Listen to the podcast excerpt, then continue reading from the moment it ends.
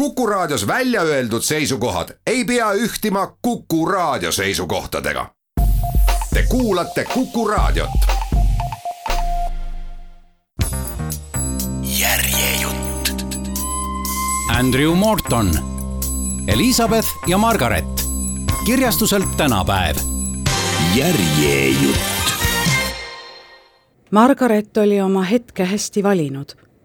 sel talvisel detsembrikuu päeval tuhande üheksasaja viiekümne teisel aastal vaatas uus kuninganna üle kroonimispidustuste üksikasju, enne kui suundus perekonna iga-aastasele jõulukokkusaamisele Sandringhamis. punases livrees teenija juhatas Margareti mööda kanaletodest ja Gainsborough maalitud Diana ja Octaviani portreest, kuulutades kombekohaselt printsessi saabumist. ja alles siis võis ta siseneda Buckinghami palee külluslikult sisustatud Belgia sviiti. Margaret kõnetas oma õde tiitliga ma'am enne ujeda reverantsi tegemist ja suudles Lilibetti mõlemale põsele. siis võttis ta õe nõudmisel istet elutoas kuldse siidiga kaetud lamamistoolil. igasuguse kahtluseta nägid nad välja nagu õed mõlemad tagasihoidlikus päevakleidis, mida kaunistasid pärliread ja sobivalt valitud pross. Lapsepõlves riietasid hooldajad neid ühtmoodi. aeg-ajalt kordus see komme nüüdki veel.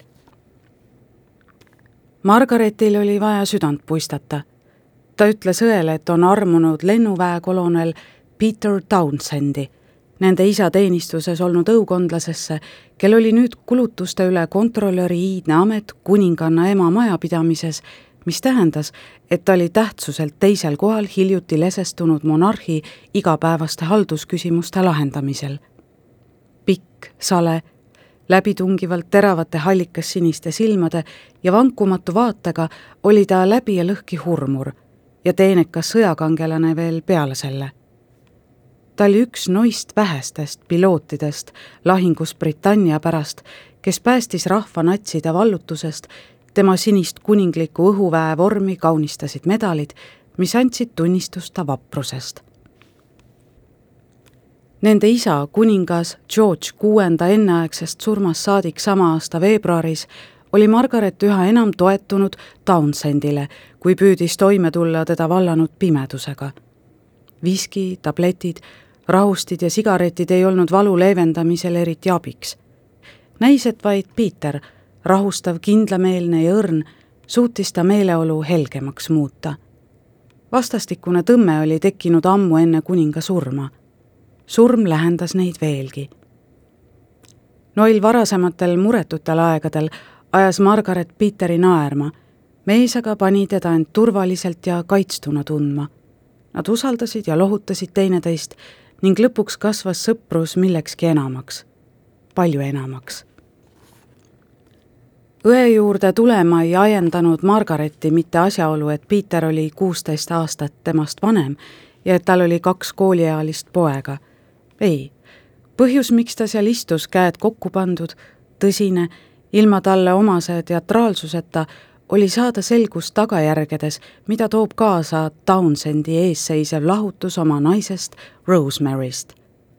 sest peale, kui mees läinud aasta novembris lahutusavalduse sisse andis, olid nad vaikselt, eraviisiliselt ja ääri-veeri arutanud ühist elu millalgi kauges tulevikus. ehkki mees oli, vähemalt avalikkusele mõeldud loos, süütu osapool, polnud pääsu faktist, et Peter Townsendist oli nüüd saamas lahutatud mees see sõna rippus nende vahel kui splindita granaat, kuna mõlemad mõistsid selle kohutavat tähendust.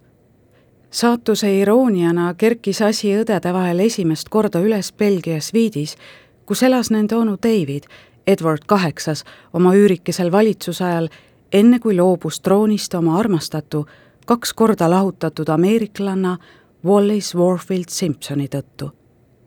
tuhande seitsmesaja seitsmekümne teisest aastast pärineva kuninglike abielude seaduse kohaselt pidi printsess Margaret, kes oli prints Charlesi ja printsess Anne'i järel trooni pärimise järjekorras kolmas, saama kuningannalt loa enne abiellumist ükskõik millise mehega, rääkimata siis lahutatud mehest. mõlemad teadsid, et nende kiriku õpetus on lahutuse suhtes vaenulik. usukaitsjana olid kuningannal standardid, millest ta ei võinud kõrvale kalduda. tõepoolest, kui kuninganna Mary, kes oli nüüd haige, oleks saladusse pühendatud, teadsid mõlemad, milline oleks otsus olnud. Nad võisid ta sõnu juba praegu kuulda. kuid ajad olid muutumas. kas Lilibet annab oma nooremale õele, kes praegu oli troonijärjekorras kolmas, loa abielluda lahutatuga? ta hoidis Margareti õnne, ta elu, oma pehmes roosas pihus. suur õde oli terve elu teda arvustanud nüüd, mil ta oli kuninganna, valitses ta tema elu see oli ülitähtis otsus, mis määrab ja kujundab kummagi naise elu ja reputatsiooni igaveseks. Margaret jälgis tähelepanelikult oma õde, olles imestunud, et too polnud pärast ta lühidat sündmuste kirjeldust rohkem üllatunud. kuigi Margareti arvates olid nad Peteriga olnud diskreetsed, siis ilmselt polnud nad olnud seda piisavalt ja küllap olid jutud liikvele läinud. Kui ta õel oli olemas vähemalt ettekujutus toimunust, siis teised tulid lagedale aina uute üksikasjadega. kuigi kuninganna ei reetnud oma tundeid, oli see ebameeldiv uudis, mis pealegi sattus nii lähestikku juunisse kavandatud kroonimisega. miski ei tohtinud juhtida tähelepanu kõrvale sellelt hetkelt, mida paljud pidasid suverääni valitsemise kõrghetkeks ja määravaks momendiks ta teadis Peter Townsendi ja mees meeldis talle ta hindas mehe rahulikku käitumist oma sageli riiaka isa, kuningas George kuuendaga, kes härdushetkedel nimetas sõjakangelast pojaks, keda tal polnud kunagi olnud. kuningannal oli, mille üle mõelda. ta polnud enam ainult Margo suurõde. ta oli kuninganna, kel tuli täita konstitutsiooniga ette nähtud kohustusi. Margaret ei palunud ametlikult luba abiellumiseks.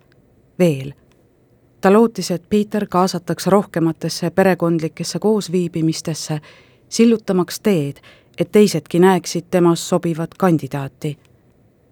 Nad olid valmis asju järk-järgult võtma. Margaret vihjas õele, et oleks nõus pigem selliste väikeste vastutulekutega kui täiemahulise toetusega abielule. Elizabeth vaatas aknast välja paleeaeda. Margaret naeratas sisimas teades, et ta õel oli kombeks enne otsuse tegemist aknast välja vaadata. kaminasimsil kõlavalt tiksuva Sevri kella helide saatel ütles kuninganna õele, et tal on üks idee. vast ainus asi, mis Davidit ja Bertit täielikult ühendas, oli suur huvi moe vastu üks oli silmatorkav riietuja, kes eelistas fääris viitreid, kahevärvilisi kingi ja üles pööratud sääreotstega pükse. teine riietus konservatiivsemalt ning keskendus kostüümi või ülikonna rätsepatööle, veetes ateljeedes moekunstnike ja juurdelõikajate seltsis tunde, visandades kavandeid ja katsetades uusi ideid õukonna riietuse, riiklike tähtpäevade ja isegi pantomiimikostüümide jaoks välja arvatud selline ühisosa, olid nad oma käitumiselt ja iseloomult täiesti erinevad. ühte kasvatati päikesepaiste, teist varju jaoks.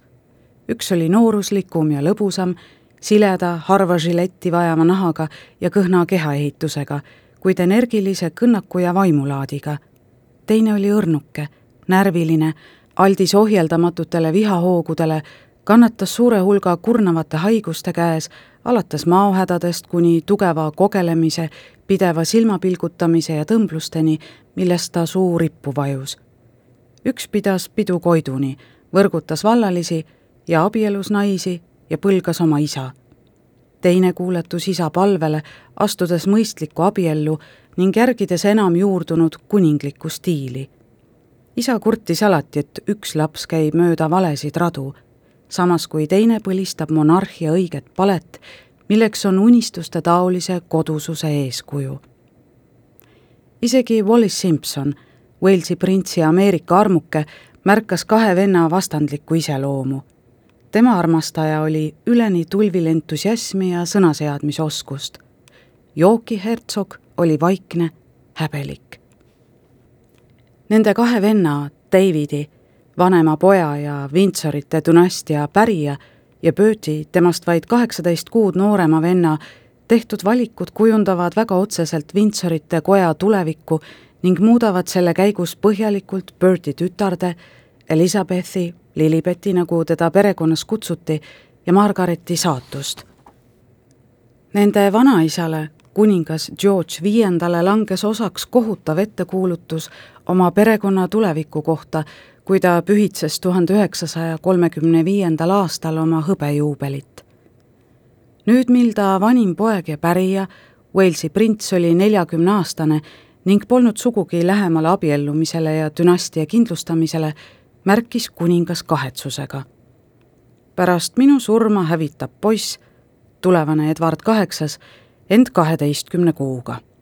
Palun Jumalat, et mu vanim poeg ei abielluks ega saaks ealeski lapsi ja et midagi ei tuleks Berti ja Lilibeti ning trooni vahele. kuninga palvet võeti kuulda Edward Kaheksanda troonist loobumine, et abielluda kaks korda lahutatud ameeriklanna Wallace Warfield Simpsoniga, muutis ta venna ja venna tütarde elu ning perekonna dünaamikat igaveseks. Nende onu otsus seadis nad kindlalt monarhia eluaegsesse haardesse, kujundades edaspidi seda, kes nad on ja kelleks saavad. nii nagu Davidi ja Berti puhul on avalikus ettekujutuses iga Windsorite dünastia põlvkonda jälitanud vari. kuningliku pere hea liige versus halb. mässumeelne ekstravert versus mõistlik introvert. täiesti aus ja otsekohene William ja kontrollimatu laps Harry. tagasihoidlik Diana ja tormakas labasevõitu Fergie. päike ja kuu. Need stereotüübid varjavad sageli sama palju, kui paljastavad ja ometi toitub iga kuninglike laste järgmine põlvkond, nagu kõik väljed ja sõsarad, sellest asümmeetriast, sisustades teise jäetud vaimuruumi. printsess Margaret ütles oma kirjanikust sõbrale Cor Vidalile. Kui on kaks õde ja üks neist on kuninganna, kes peab olema aususe ja kõige hea allikas, siis peab teine olema kõige loomingulisema pahe kese, halb õde kindlasti tõstis ta käitumine teatud puhkudel õe säravasse valgusesse. Margaretist sai kergesti musta lamba stereotüüp. ent see reputatsioon raputas vaid veidi ta alalises kasutuses olevat sigaretipitsilt tuhka. ükskord märkis ta, minu rõõm on allumatus Margaretil jätkus piisavalt eneseteadlikkust, et teha peent vahet meedia loodud kujutlusel endast kui kellestki, kes kadestab kuninganna positsiooni, vastandatuna mitmekihilisemale konfliktile, mis valdab oma vanema õe varju jäänud noort naist. ma ei ole kunagi kannatanud teiseks tütreks olemise tõttu, kuid ma ei talunud mõtet, et mind nähti igavesti noorema õe rollis. Üks sõber märkis tabavalt ta näeb end pigem kuninga tütre kui kuninganna õena. see tähendab osana peamisest kuninglikust perekonnast, mitte kõrvalharuna, mis sai teoks, kui Elizabethist sai kuninganna. Margaret ei näidanud kunagi, et soovinuks õega kohad vahetada, rääkides kõigile, kes kuulata soovisid, et tema roll on toetada õde tolle positsiooniga kaasneva tohutu koorma kandmisel. Kunagi märkis ta kas pole õnn, et Lilibet on vanem? kui Margareti ärritasid kuningliku elu piirangud, siis Elizabeth võttis need kohusetundlikult omaks. kaks õde olid vastuolulised ja neil tekkis ägedaid kokkupõrkeid nii väikestes kui ka suurtes asjades, kuid nad siiski armastasid teineteist. seesugune lükkatõmba suhe kiindumuse ja eemalhoidmise, sügava armastuse ja ürgse armukadeduse vahel ulatus Elizabethi ja Margareti ühise sisemaailma südamikku. mõlemad õed saabusid siia maailma kahekümne esimesel kuupäeval, kuid see oli ka ainus sarnasus nende sünnis. Elizabeth sündis kahekümne esimesel aprillil tuhande üheksasaja kahekümne kuuendal aastal Londonis Mayfairis toonase prints Alberti, Yorki hertsogi ja Elizabeth Bowes-Lyoni perre see aasta oli Britannia jaoks ülimalt keeruliseks muutumas, vaaruti tööstuslause ja ajaloolise üldstreigi veerel. sünniajaks oli tekkinud juba tugev avalik huvi, kuna peatne lapse ilmaletulek andis võimaluse riikliku kriisiteema kõrvale jätta. rahvahulgad tiirlesid Bruton Street seitsmeteistkümne ees, kui Elizabeth lõpuks keisrilõike abil kell kaks nelikümmend hommikul ilmale tuli. Iidse traditsiooni kohaselt viibis kohal siseminister Sir William Johnson Hicks, et olla sünni juures tunnistajaks, et vältida lapse ümbervahetamist üsna peatselt sai nägusast sinisilmsest beebist võimas perekonna, kestvuse ja patriotismi sümbol. vaid umbes kuu aega hiljem, üheksateistkümnendal mail ristiti Elizabeth Alexandra Mary Buckinghami palee erakabelis aset leidnud tseremoonial, mille viis läbi Yorki peapiiskop doktor Cosmo Gordon Lang huvi pisikese printsessi vastu oli niivõrd suur, et põnevil pealtvaatajad murdsid palee ees asunud politseinike ridadest läbi, püüdes hetkekski kuulsale lapsele pilku heita. Väikese tüdruku austust vääriv nimi vihjas tulevasele saatusele kuningannana. ehkki tuhande seitsmesaja esimese aasta seaduse kohaselt näis ta troonile asumine ebatõenäoline juhul, kui onu Davidil sünnib pärija siiski oldi üldiselt arvamusel, et on riigile suur lootus. üks ajaleht täheldas, võimalused Bruton Streeti väikese võõra näol võib olla tegu tulevase Suurbritannia kuningannaga ehk isegi teise kuninganna Elizabethiga, on ülimalt huvitav. äsja sündinud beebi paiskas oma vanemad suhteliselt vaiksest kuninglikust elust ajalehtede ja ajakirjade esikülgedele nädalaid pärast tema sündi oli jookide Londoni residentsi esine kõnnitee ikka veel nii rohkelt tulvil fänne, et mõnikord tuli ta lapsevanker igapäevaseks jalutuskäiguks tagauksest salaja välja toimetada. Mõne aja pärast hakkas ta ema sellise tähelepanupuhangu pärast muretsema. hiljem kirjutas ta oma ämmale, kuninganna Maryle. mind peaaegu hirmutab, et inimesed teda nii väga armastavad. ma loodan, et see on hea ja loodan, et ta ikka seda väärt oleks, vaene väike kullake. selline erakordne tähelepanu ei piirdunud meeste ja naistega tänaval. algusest peale jumaldas teda ta irisev vanaisa, kuningas George Viies varsti ringlesid jutud sellest, kuidas väike ingellik tüdruk on võitnud paindumatu valitseja kiindumuse. ehkki kuningas oli kurikuulus selle poolest, et hirmutas omaenda lapsi ja kauaaegseid töötajaid, oli Elizabeth erand. Canterbury peapiiskop meenutas, et kord lubas hobust mängiv valitseja oma pojatütrel end hallist habemest sikutada, kui ise põlvili mööda põrandat ringi suhistas. ta armastas oma kaht lapselast, printsess Mary poegi. meenutas Early grafinna, kuid Lilibet oli tal alati esikohal. tal oli kombeks tüdrukukesega mängida, asi, mida ma ei näinud teda eales omaenda lastega tegemas ja talle meeldis tüdrukukese seltskond. kuningas jälgis iga tema tillukest edusammu, saatis sõnumi oma pojale ja minijale, kes olid Renown'i pardale Austraaliasse siirdumas, teatamaks neile, et ta lapselapsel ilmus esimene hammas. kuningas oli lapsest vaimustuses.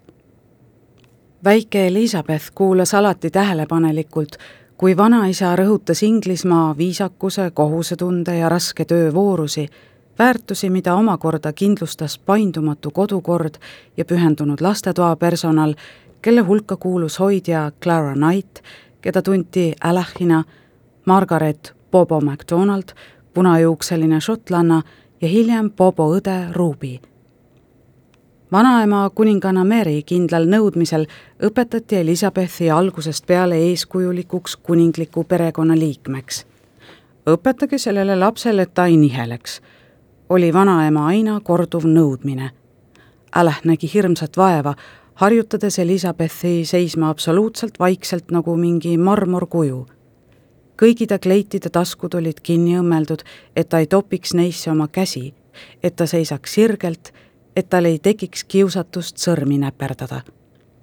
ta õppis vastama tervitustele, lehvitama oma valges kindas kätt rõdult või lahtisest autost, poseerima graatsiliselt fotograafidele ja olema tundide kaupa põid tühjendamata.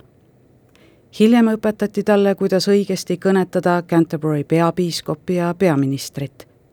Kui ta käitus Alahi seatud täpsete standardite kohaselt, sai ta tasuks küpsise. halb käitumine võis kaasa tuua löögi vastu sääri. isegi tolleaegsete standardite kohaselt oli ta lapsepõlv alla surutud ja tundevaene. tema ellu kuuluvad täiskasvanud toetasid kuulekat leppimust. põngerjana õppis Elizabeth, et tal on vaja tegutseda meeldivalt, kummardada ja teha reveranssi täiskasvanutele ja et ta ei tohi kunagi kaotada enesevalitsust või käituda kellegagi liialt familiaarselt. kõik ta jäigalt kontrollitud elus toimis kellavärgina, alates hommikusöögist kell seitse kolmkümmend kuni magamamineku ajani täpselt kell veerand kaheksa õhtul. lühidalt, ta alustas oma elu kaitstud priviligeeritud lapsena, keda trilliti valdama enesedistsipliini ja pidama lugu oma positsioonile esitatavatest nõudmistest seega oli see lapsepõlv, milles vaheldusid kiiresti suur tähelepanu ja suur eraldatus ning Elizabethi kasvatati pigem väikese täiskasvanu kui lapsena. ent siis, kui ta oli kõigest nelja-aastane, sattus tema ülemvõim lastetoas löögi alla.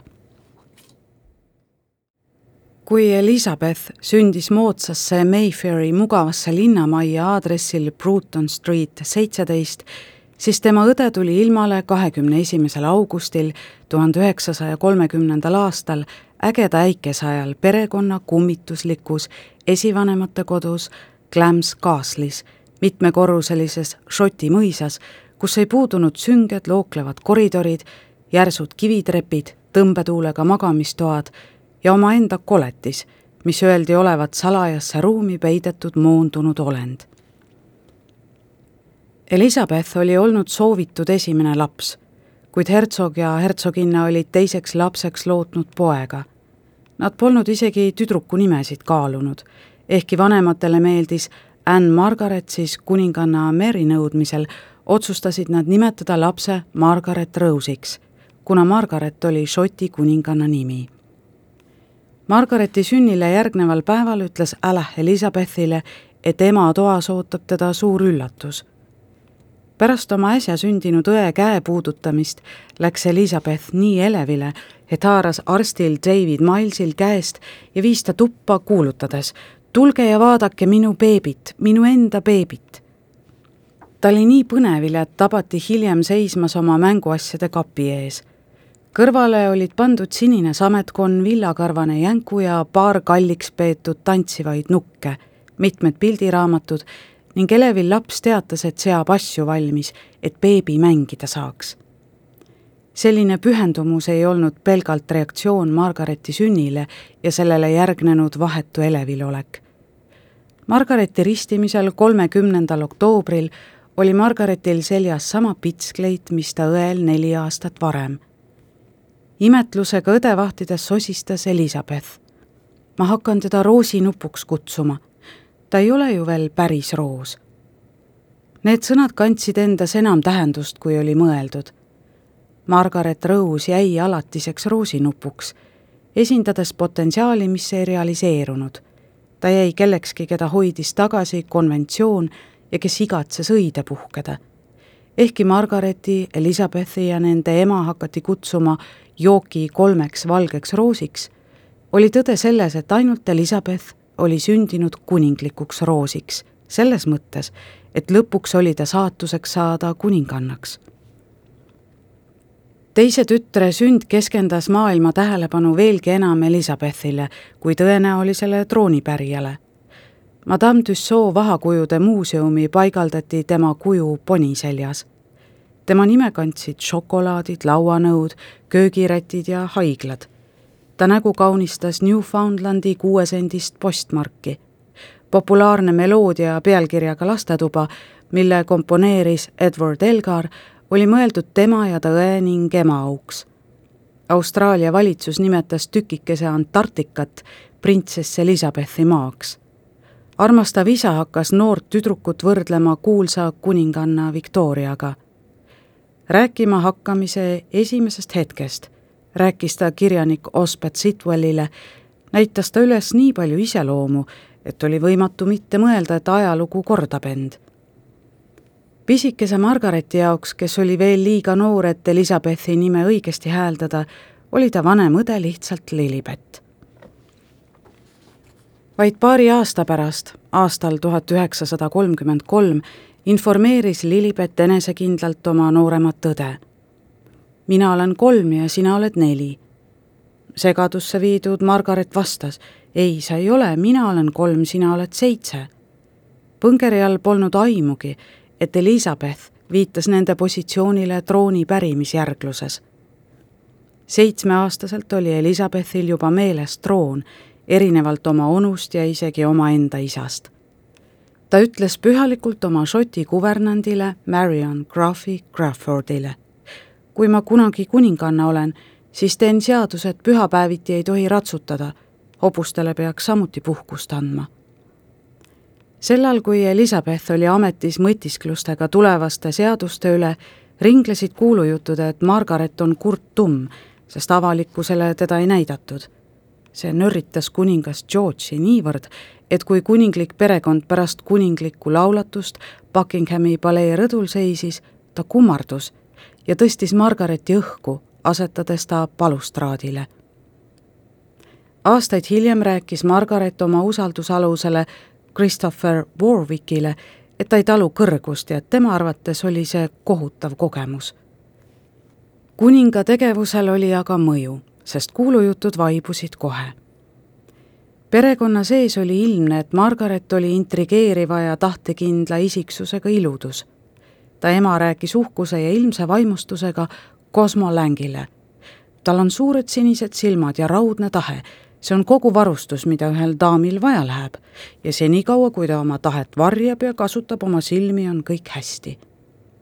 algusest peale oli selge, et Margaret oli isa väike tüdruk, hoolimata sellest, et ta käitumine polnud nii hea kui ta vanemal õel.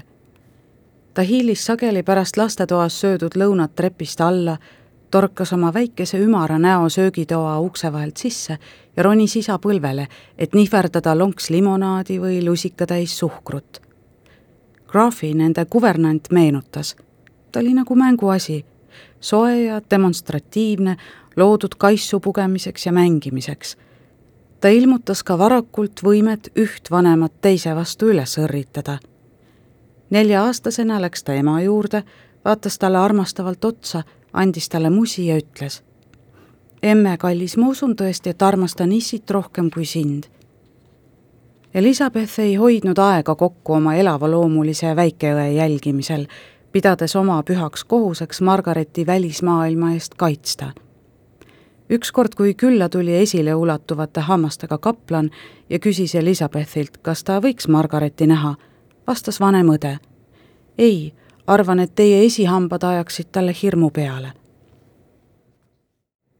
lapsepõlves elasid kaks õde kaitstud ja muretut elu aadressil Piccadilly sada nelikümmend viis, kivist fassaadiga viiekorruselises majas, mis sai tuntuks paleena, millel on number ja puudub nimi.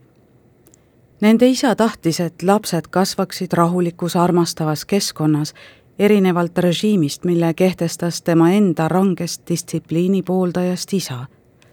lapsena oli Bööti sunnitud kandma valusaid sääreortoose põlvede korrigeerimiseks, teda löödi, et ta kirjutaks parema käega, ehkki ta oli sündinud vasakukäelisena. kaheksa-aastaseks saanuna oli tal arvatavasti sellise mõtlematu teotamise tõttu tekkinud kurnav kogelemine. nüüd, mil ta oli lõpuks leidnud soojust ja mõistmist, Elizabeth Bowes Lyoniga, Stratmori ja Kinghorni graafi tütrega, oli Bertie kindlalt otsustanud rajada oma lastele intiimse kodus elu ning kasvatada neid ilma pretensioonideta. avalikkus märkis, kuidas jookid esindasid täiuslikku perekonna kuvandit, korralik, töökas, vaikne mees, armsa naeratusega jumaldav ema ja hea käitumisega väikesed tüdrukud kõigest kahekesi oma pahkluuni ulatuvais sokkides nagu Ovaltini reklaampildilt maha astunud. Berti naine Elizabeth osutus selles ettevõtmises täiuslikuks partneriks, keda kõik imetlesid tema sarmi ja naiselikkuse tõttu. näinud Elizabethi teatris kuninglikus loožis istuvana, kirjeldas teda romaanikirjanik Virginia Woolf. lihtne, lobisev, heasüdamlik ümara näoga noor naine roosas ta randmetel helklesid teemandid ja kleiti hoidis õlal kinni teemantidega pross. kuid selline rahulik pealispind varjas grafina põikpäist järeleandmatut loomust.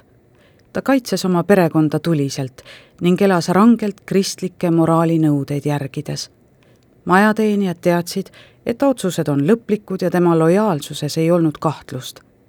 sellest hoolimata õnnestus tal üles näidata imeteldavat kannatlikkust. Ta ei kaotanud kunagi rahu oma abikaasa sagedaste meeleolumuutuste ja ennustamatute räuskamisena tuntud vihahoogude puhul. mõned pidasid Bööti käitumist epilepsia vormiks. hoolimata asjaolust, et majas elas kuulus kuninglik perekond, puudus aadressil Piccadilly sada nelikümmend viis eriturvateenistus. uudishimulikud võisid lihtsalt kõndida mööda kividest laotud rada ja helistada üht kahest kellast, külastajad ja majaelanikud kui juba sees oldi, viis ülemteener nad üle pehme pruuni vaiba avarasse ja õhurikkasse päikesepoolsesse tuppa, mille akendest võis näha perekonna rohelist aeda, kus printsess Elizabeth sõitis ringi oma kolmerattalisel. lühikese jalutuskäigu kaugusel oli Hyde Park, kus treeniti perekonna kuldseid retriivereid. Õdede koolitunde peeti hertsoginna elutoas peamise külaliste toa kõrval peale puuvillase mööbliriidega kaetud diivanite ja pärsia vaiba olid toas ka tohutu suured kaardid ja raamatud. Nende ennast kehtestaval vanaemal oli juhtiv roll tüdrukute hariduse korraldamisel. ta soovis, et Graafi näitaks talle õppekava ja nõudis siis seal muudatuste tegemist ilma Miniale sellest teatamata ta nõudis tungivalt, et ajaloole pöörataks rohkem tähelepanu kui aritmeetikale, sest printsessidel pole arvatavasti kunagi vaja tegeleda isegi nende endi majapidamisraamatutega. seevastu tulevase kuninganna jaoks oli ajalugu eriti tähtis. igal esmaspäeva hommikul oli ette nähtud pool tundi religiooniõpetust, mis jättis eriti sügava mulje nooremale õele. palved öeldi esimese asjana hommikul ja viimase asjana õhtul kuninganna Mary raudne kontroll tüdrukute hariduse üle tulenes ta üldisest negatiivsest suhtumisest nende kasvatamisse.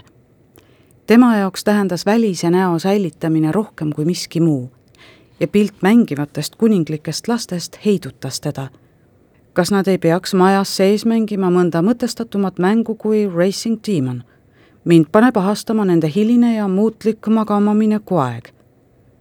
eriti noris ta Margareti kallal keda kutsus Espiegle vallatuks või lustlikuks kelmiks.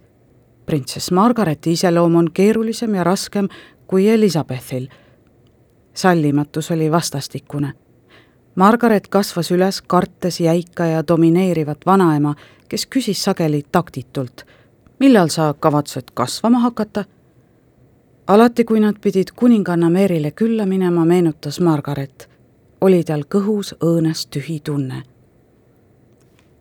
Elizabeth oli aga vanaemast vaimustuses, pidades teda kuningliku leegi hoidjaks. kuninganna Mary sisendas Elizabethile, et kohustus on tähtsam kui isiklikud kaalutlused. avalikud toimingud on olulisemad kui individuaalsed vajadused. tema ettevalmistus auastmete, eesõiguste, tiitlite ja positsiooni vallas sai alguse väga noorelt. ühel puhul kõnetas teener printsess Elizabethi, öeldes mu leedi Elizabeth vastas, ma ei ole leedi, olen printsess. ta vanaema sekkus, öeldes talle täiesti õige, sina sündisid printsessina ja läheb veel palju aastaid, enne kui õpid olema leedi. haridust puudutavad otsused tehti küll Elizabethi silmas pidades, ent tegelikult osutus Margaret palju küpsemaks ja loomupäraselt andekaks õppijaks. ta püüdis pidevalt vähendada vanusevahet enda ja õe vahel tõestada, et on sama terane ja väärib täpselt sama palju tähelepanu.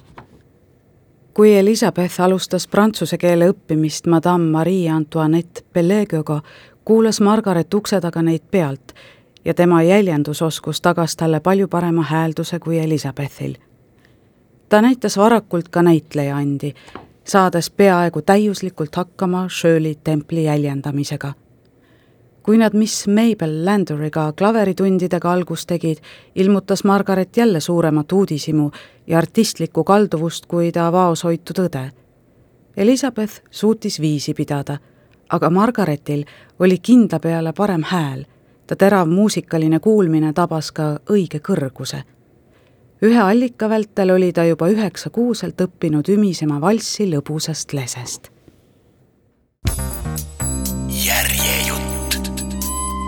Andrew Morton, Elizabeth ja Margaret, kirjastuselt tänapäev. järjejutt